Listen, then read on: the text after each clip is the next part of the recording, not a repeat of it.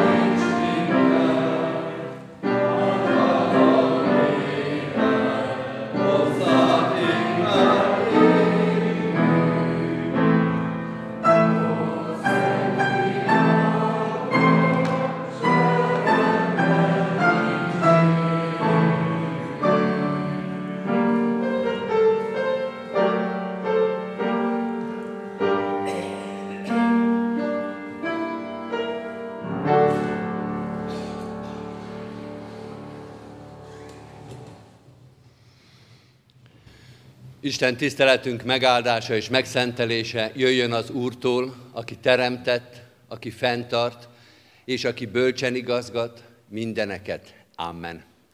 Hallgassuk meg most Isten igéjét Lukács evangéliumának a harmadik részéből. Helyünket elfoglalva hallgassuk meg a harmadik rész verseit. Tibérius császár uralkodásának 15. évében amikor Júdea helytartója Poncius Pilátus volt, Galilea negyedes fejedelme Heródes, Iturea és Trakhonitis tartományának negyedes fejedelme Heródes testvére Fülöp, Abiléné negyedes fejedelme pedig Lüszániász volt. Annás és Kajafás főpapok idején szólt az Úr Jánoshoz, Zakariás fiához a pusztában. Ő elindult, és hirdette a Jordán egész környékén a megtérés keresztségét, a bűnök bocsánatára, ahogyan megvan írva Ézsaiás proféta beszédeinek könyvében. Kiáltó hangja szól a pusztában, készítsétek el az Úr útját, tegyétek egyenessé ösvényeit, minden szakadékot töltsetek fel, minden hegyet és halmot hordjatok el, legyen a görbeút egyenessé, a göröngyös simává, és meglátja minden halandó az Isten szabadítását.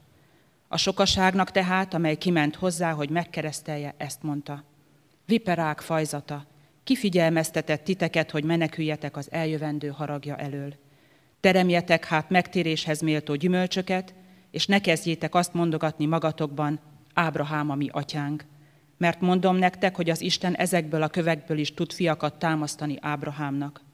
A fejsze pedig ott van már a fák gyökerén, ezért minden fa, amely nem terem jó gyümölcsöt, kivágatik és tűzre vettetik. Sokaság pedig megkérdezte tőle, akkor hát mit tegyünk? János így válaszolt nekik, akinek két ruhája van, adjon annak, akinek nincs, és akinek van ennivalója, hasonlóan cselekedjék. Vámszedők is mentek hozzá, hogy megkeresztelje őket. Ezek szintén megkérdezték tőle, Mester, mit tegyünk? Nekik ezt mondta, semmivel se hajtsatok be többet, mint amennyi meg van szabva. Megkérdezték tőle a katonák is, mi pedig mit tegyünk? Nekik viszont ezt felelte. Senkit ne bántalmazzatok, meg ne zsaroljatok, és elégedjettek meg a zsoldotokkal. Mivel a nép reménykedve várakozott, és szívében egyre azt fontolgatta Jánosról, hogy vajon nem ő a Krisztus, János így válaszolt mindenkinek. Én ugyan vízzel keresztellek titeket, de eljön az, aki erősebb nálam, és én még arra sem vagyok méltó, hogy sarúja szíját megoldjam. Ő majd szentélekkel és tűzzel keresztel titeket. Kezében szórólapát lesz, és megtisztítja szérűjét. A gabonát csűrébe takarítja, a polyvát pedig megégeti oldhatatlan tűzzel. Amen. Isten tegye áldottá igének hallgatását és szívünkbe fogadását. Hajtsuk meg a fejünket és imádkozzunk. Urunk, készíts most is a veled való közösségre, az ige világosságára, az ige üzenetére, a válaszaid meghallására, akaratod cselekvésére. Urunk, arra van szükségünk, hogy felkészíts ezekre a dolgokra, mert oly sokszor mentünk el már vakon és süketen és érzéketlenül a te csodáid mellett. Olyan sokszor nem vettük észre, nem ismertük fel, hogy te vagy az életünkben. Te szólsz, és te vezetsz bennünket, te tiltasz és te erősítesz, te vagy az, aki az életünket jó irányba akarod fordítani. Ott voltunk, jelen voltunk, és mégsem láttunk ebből semmit. Arra kérünk most, ezen az adventi vasárnapon, nyisd meg a szívünket, az egész életünket te előtted.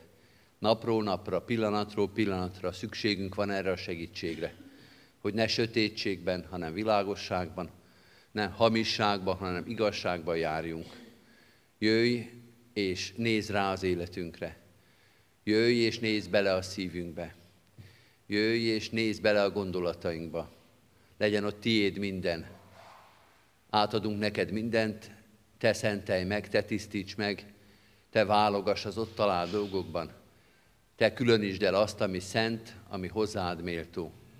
Bocsáss meg, hogyha sok minden van ott a szívünkben, az életünkben, a gondolatainkban, ami nem méltó hozzád, ami ellenedre való, ami nem tőled jön, és nem te felét tart.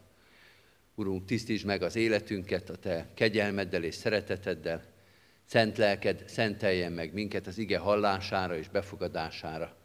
Szent lelked szenteljen meg bennünket az ünnepre, a veled való közösség pillanataira. Amen. Kedves testvérek, énekeljük az ige hirdetésre készülve a 286. dicséretünket. 286. dicséretünknek az első két verszakával, két verszakkal készülünk az ige hirdetésre, 286. dicséretünk. Jár, dicsérjük az Istennek fiát, így kezdődik az első verszak, az első kettőt énekeljük. thank you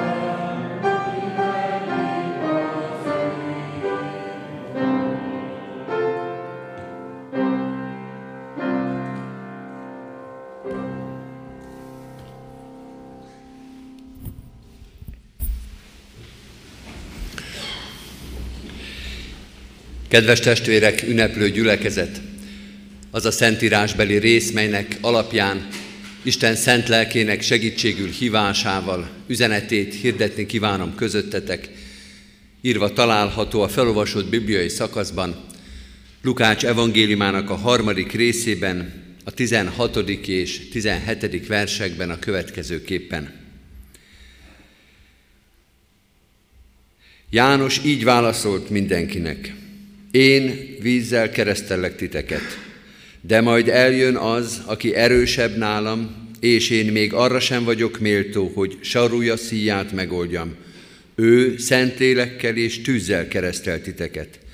Kezében szórólapát lesz, és megtisztítja szérűjét, a gabonát csűrébe takarítja, a pejvát pedig megégeti oldhatatlan tűzzel. Eddig Istennek írott igéje, foglaljuk el a helyünket. Kedves testvérek, ünneplő gyülekezet, adventi sorozatunknak a végéhez érkezünk. Ebben az adventben egy új szövetségi adventi előkészítő sorozat után az adventi vasárnapokon ószövetségi igéket, ószövetségi proféciákat vettünk, ószövetségi adventi történeteket, ahogy az Ószövetségben Ábrahámtól kezdve a Zsoltárokon keresztül Ézsaiásig készültek a messiás eljövetelére, és ennek a sorozatnak a végén az utolsó ószövetségi profétát, aki már az új szövetségben, az új szövetség embereként szólal meg, keresztelő Jánost hallgatjuk. Ő benne összeér a két szövetség, ő még azt mondja itt ebben a felolvasott részben is, hogy de majd eljön az, aki nagyobb nálam, aki erősebb nálam, ő is még előre mutat, pedig már tulajdonképpen maga mellett láthatja azt, akiről beszél.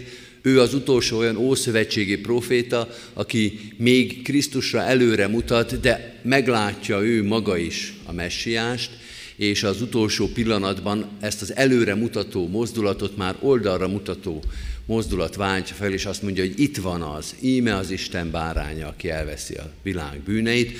Ő benne teljesedik be az ószövetségi proféciáknak a sora, de már emlékszünk is, Lukács evangéliumát olvastuk, már az új szövetség tudósít az ő szolgálatáról.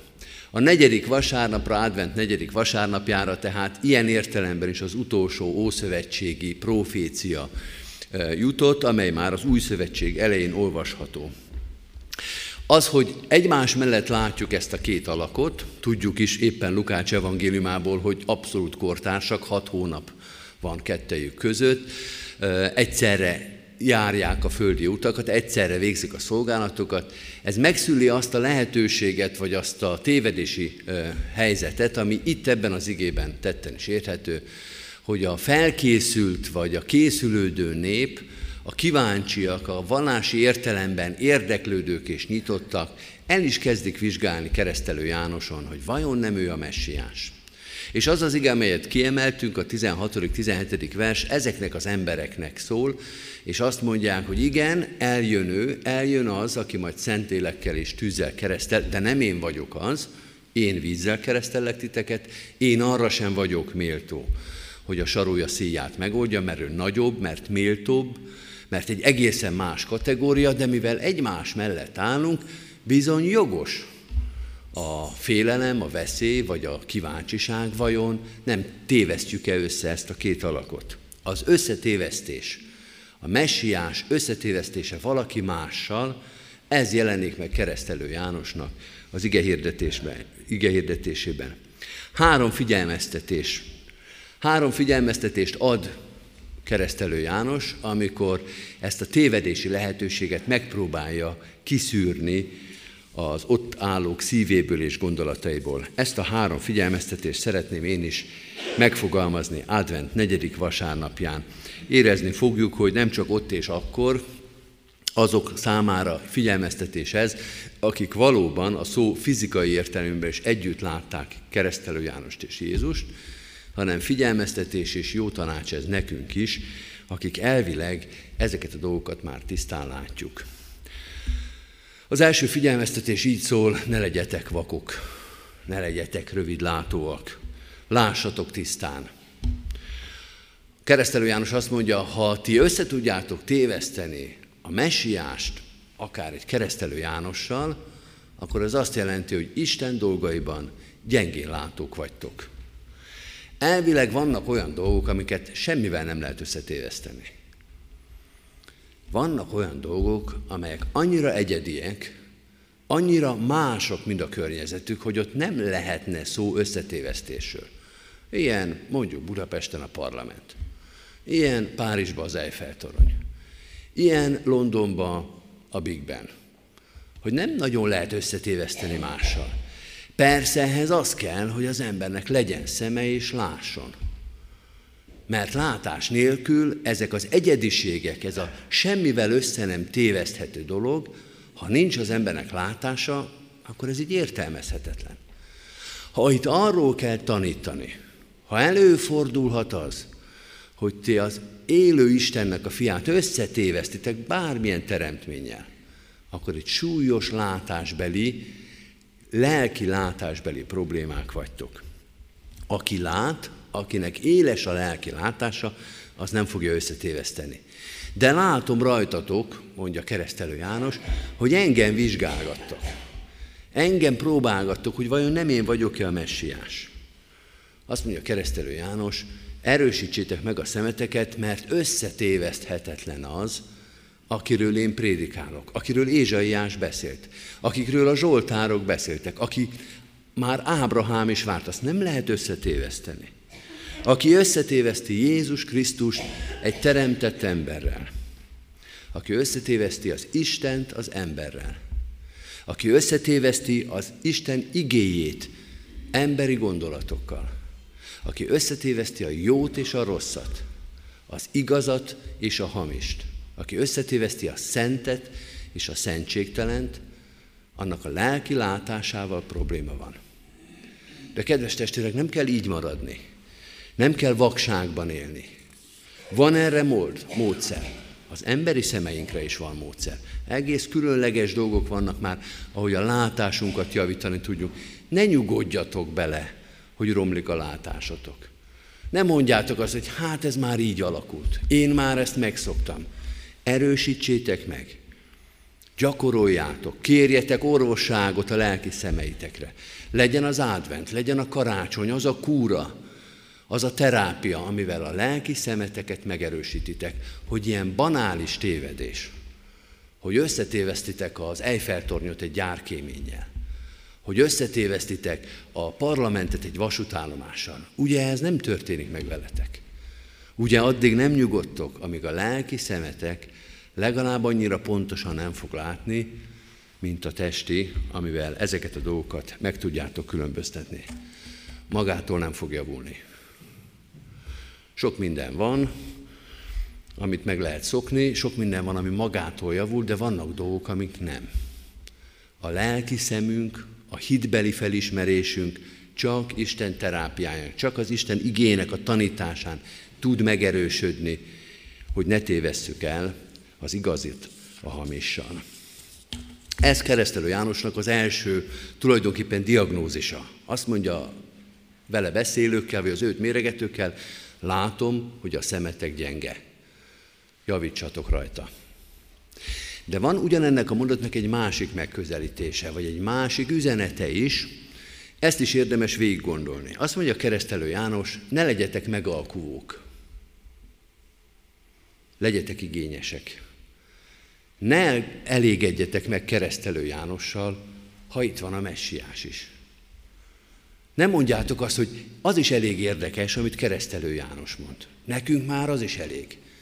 Mert nem ezt készítette nektek az Úr, hanem a megváltást, a megváltót. És attól, hogy itt vannak egymás mellett, ebből nem jelent, ez nem jelenti azt, ebből nem az következik, hogy végül is bármelyiket is választhatjátok. Olyan ez, kedves testvérek, mintha bemennénk egy galériába, ahol festmények vannak, vagy képek vannak, és csoda módon azt látjuk, hogy ott vannak az eredeti nagy klasszikusok, egy Munkácsi, egy Színyei Mersepál, vagy a nemzetközi világból mondjuk egy Monet, egy Renoir, egy Picasso, ott vannak az eredeti alkotások, és ott vannak mellettük nyomatok is, ilyen újságból kivágott képek, sokszorosított festmények, azok is be vannak keretezve, és úgy nagyjából egy gyárba vannak. Mind a kettő megszerezhető. Ugye nem történhet meg veletek, hogy hazavisztek egy nyomatot, amikor ott volt az eredeti is. Ugye nem mondjátok azt, hogy hát így kb. 50-70-es legyen, az fér oda a sezlony fölé, mindegy, na ez is jó lesz. Ugye nem lesztek ilyen nevetségesek. Ugye csak az eredetit, csak az igazit viszitek. Csak a legértékesebbet, hiszen ott van, megszerezhető. Ne elégedjetek meg egy akármilyen nyomattal, egy akármilyen másolattal, amikor hozzátok eljött az, ami az igazi, ami a legértékesebb. Keresztelő János azt mondja, ne elégedjetek meg kevesebben, mint az élő Isten igéje, mint az élő Isten maga. Kedves testvérek, elképesztő, hogy micsoda gicseket visz haza az ember. Hogy micsoda értéktelen dolgokat tömíteli az életét. Most nem akarok itt a főtéri vására hivatkozni. Elképesztő, hogy mennyi megalkuvás van az emberbe, pedig az eredeti is ott van. Azt mondja keresztelő János, legyetek hitbeli dolgokban nagyon igényesek, és csak a legjobbat vigyétek haza, mert a számotokra elkészítetett és elérhető. Az advent az az igényességünknek a nagy lehetősége, az eredetivel találkozni. Tehát az egyik üzenete az, hogy javítsátok, erősítsétek a szemeteket, hogy fölismerjétek az eredetit. A másik üzenete ugyanennek a mondatnak az, hogy ne is elégedjetek meg kevesebben, mint az eredeti, az igazi, de van egy harmadik dolog is, ebben azért egy kicsit több kockázat lesz, és ez is benne van keresztelő János üzenetében, a vége tulajdonképpen erről szól. Azt mondja, ne legyetek gyávák, hanem legyetek bátrak találkozni az Úristennel, találkozni Jézussal. Meg fogja tisztítani az életeteket, ebben van kockázat. még fájdalom is van, de megéri. Megéri ezen átmenni. Van egy jó barátom, aki Budapesten művészet történész, és ő neki egy nagy próbatétele az, amikor régi, büszke és általában gazdag családok, vagy gyűjtemények, gyűjtők meghívják magához, hogy a gyűjteményt, vagy a hagyatékot átvizsgálja, és adjon róla egy elemzést. És mindig meg szokta ér kérdezni előtte, hogy biztosak benne, akarják-e ezt, mert ez azért nem kockázatmentes. Hogy ott van egy szép, nagy budapesti lakásba 50-60 festmény, megvannak hozzá családi mítoszok, honnan van, kicsoda, micsoda, és a tapasztalat az, hogy az nem úgy szokott lenni. Föl vannak-e készülve arra, hogy kiderül erről, meg erről, meg erről a képről, hogy ez hamisítvány? Vagy másolat? Föl vannak-e készülve arra, hogy ez itt egy lopott festmény? Hogy azt vissza kell adni. Vagy ha nem kell visszaadni, de nem több milliót ér, hanem mondjuk 200, 240, 250 ezer forintot. Föl vannak készülve az emberek arra, hogy valaki átvilágítja az életüket, és külön választja az igazat a hamistól. Keresztelő János nem festményekről beszél, hanem a betakarításról, a, a, a magról, az értékes, a gabonának az értékes részéről, meg a pejváról. Hogy ezt külön fogja választani az Úr. És nem téved. És végig fogja nézni az emberiséget. Ezt lehet úgy érteni, mind a kettő tulajdonképpen félelmetes. Lehet úgy érteni, hogy a jó embereket üdvösségre, a rossz embereket a tűzre, a pokolra juttatja az Úristen. De ennél már csak az a félelmetesebb, amikor arra gondolunk, hogy mindenkinek az életét külön átvizsgálja, és mindenkinek az életéből kiveszi azt, ami számára fontos és értékes, és ami az életünkben nem értékes, ami hamis, ami hazugság volt, ami a mi mintoszunk volt, hogy ez a nagypapa öröksége, hogy ez a mi családunknak a dísze, és kiderül, hogy az egy hamisítvány volt. Az becsaptuk magunkat, az nem igazi. Az Úristen rám néz, és azt mondja, ennek semmi köze nincsen hozzám. Hogy megmerjük-e ezt tenni, vagy inkább kényelmesen élünk a családi mitoszokba, meg a saját önképünkbe. Keresztelő János, akit egyébként egy elég kemény profétának ismerünk, hallottuk is viperák fajzatai, kicsoda intett meg titeket, hogy ide jöjjetek. Szóval keményen beszél, ezt, ezt az igazságot hirdeti. Hogy amikor az Úristen előtt megállunk, mint egy kis gyűjtemény, mint az földi kincseink a becsüs előtt, akkor ő mindenről el fogja mondani, hogy micsoda. De azt mondja Keresztel János, higgyétek el, megéri. A tisztánlátás, a realitás, az, hogy mit ér az életünk, hogy annak van olyan része, amit az Úristen elvisz, magához visz. Hogy nem az egész pejva, hogy nem arról van szó, hogy az Úristen megtehetné ezt is. Az egészet úgy, ahogy van, kidobja. Azt mondja, ki se jön, meg se néz minket.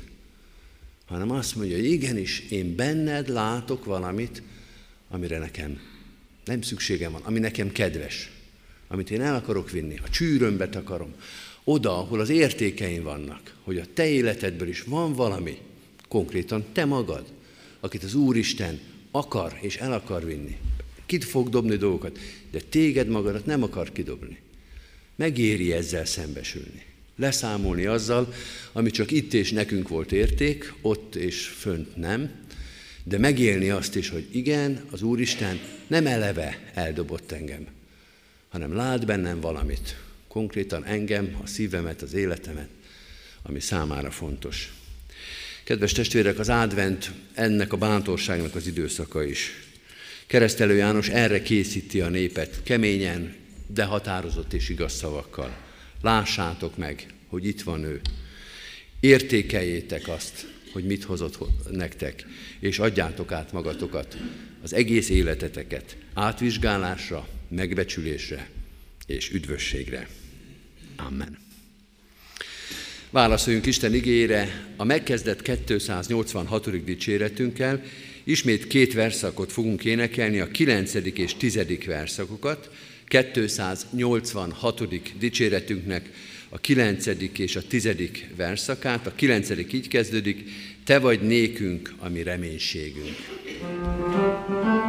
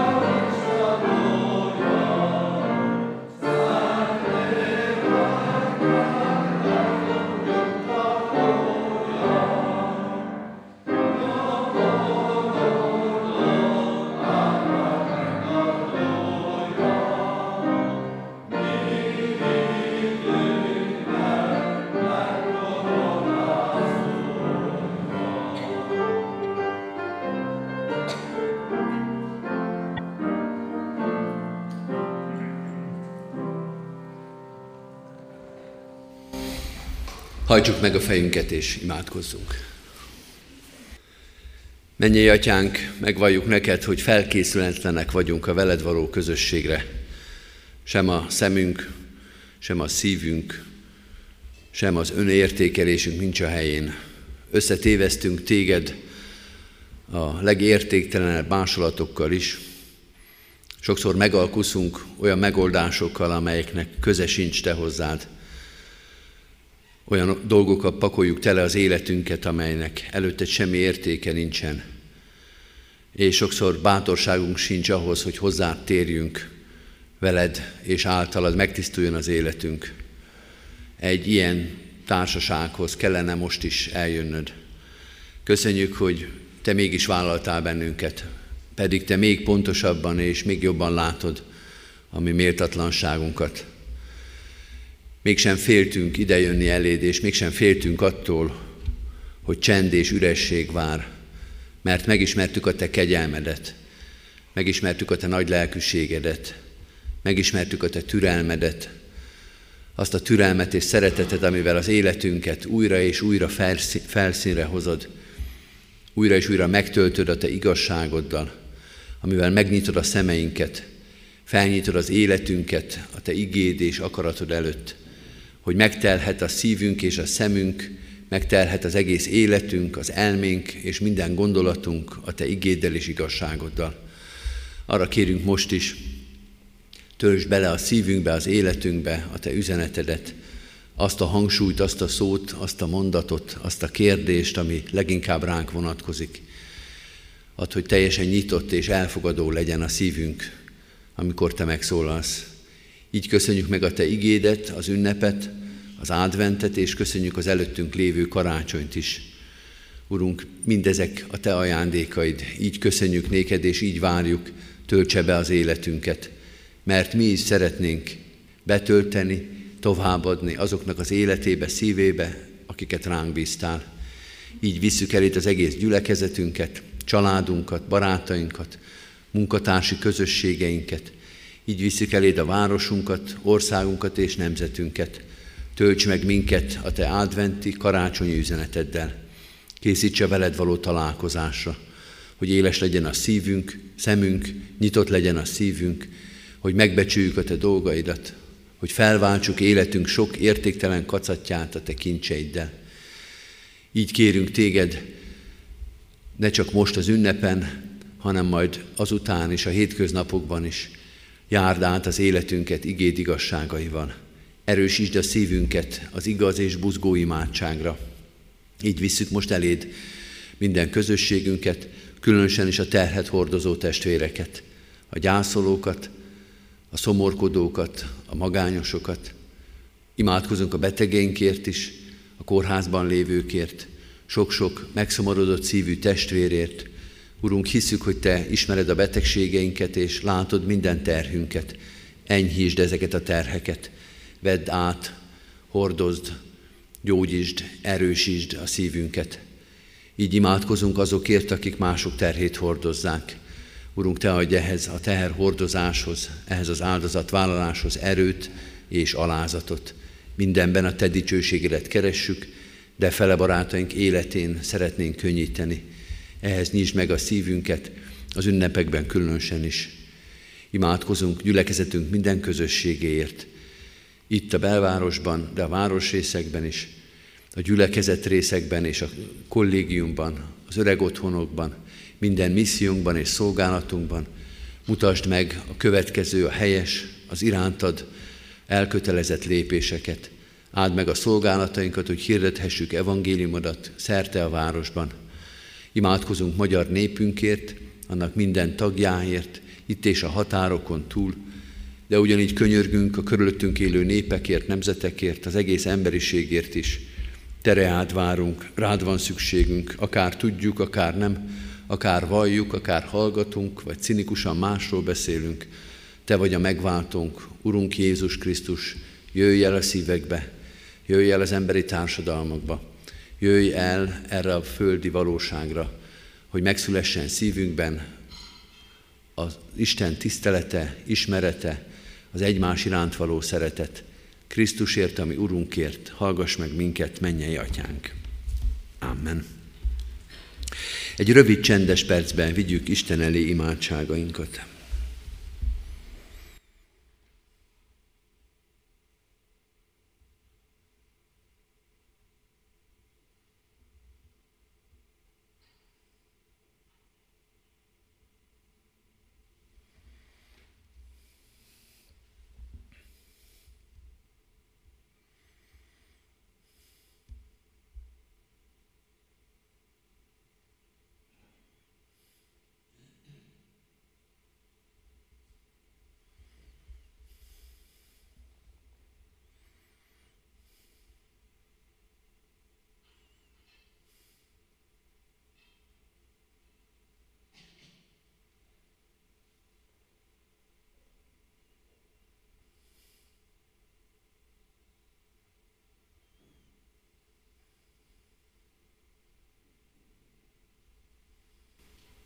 Amen. Az Úrtól tanult imádságot fennállva és együtt mondjuk el.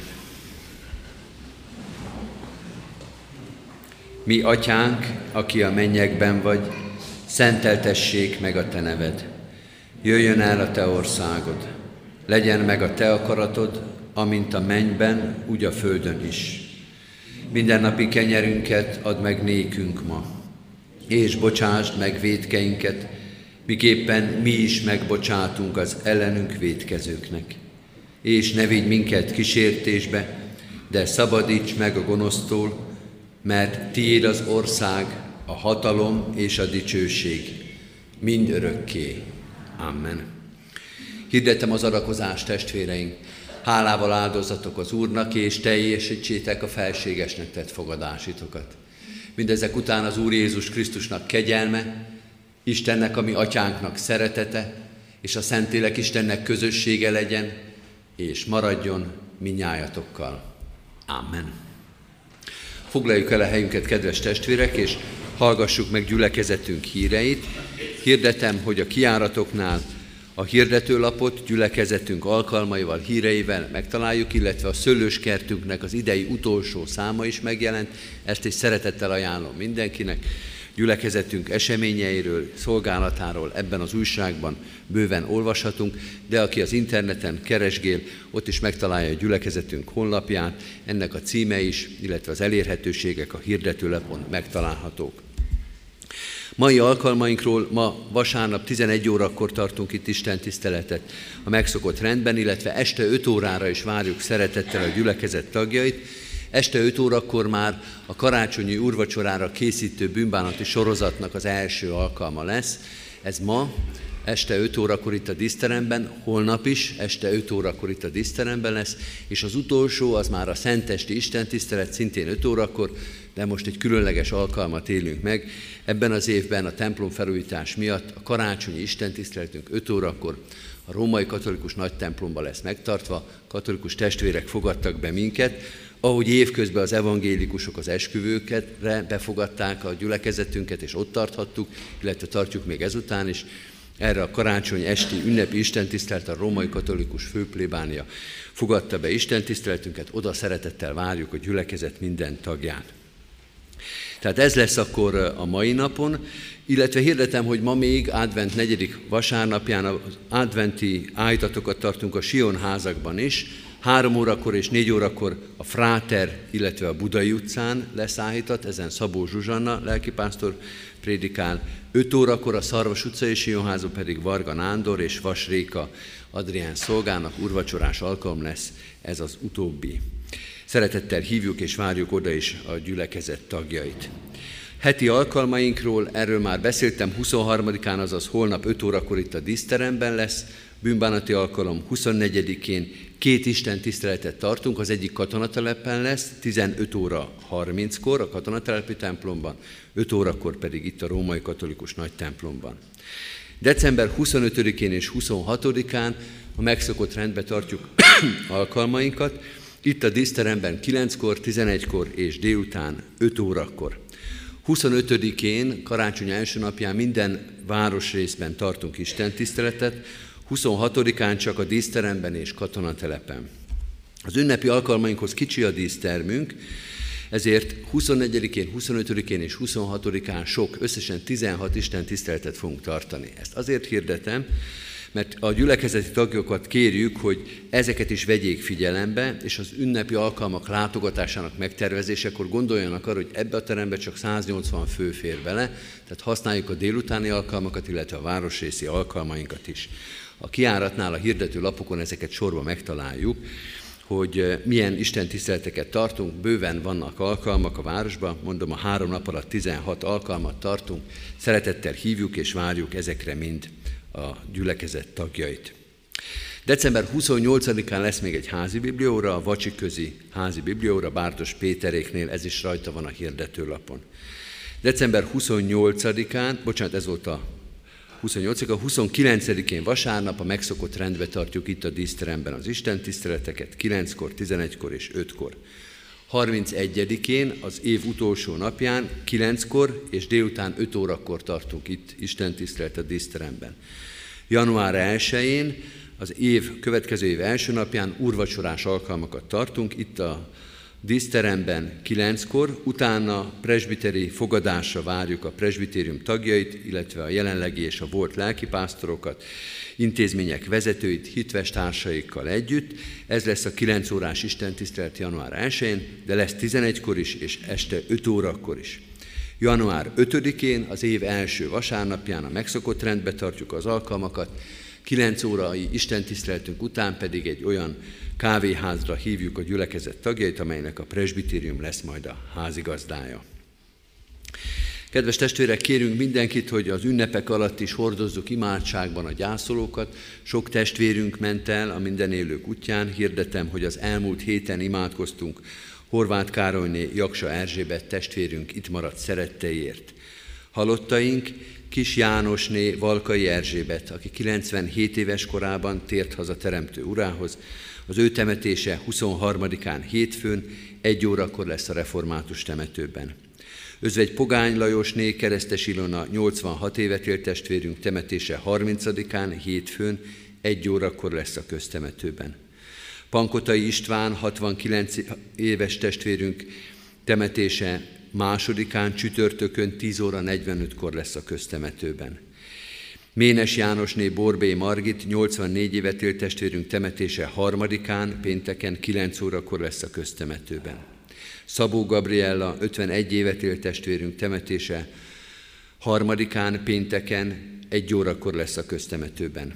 Tóth Sára Eszter, 78 évet élt testvérünk temetése szintén január 3-án, pénteken 2 órakor lesz a köztemetőben és Piszmán József István, 76 évet élt testvérünk temetése, szintén harmadikán, pénteken, három órakor lesz a köztemetőben.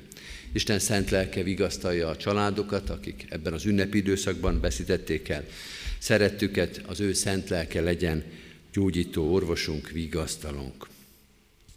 Köszönettel hirdetjük az adományokat.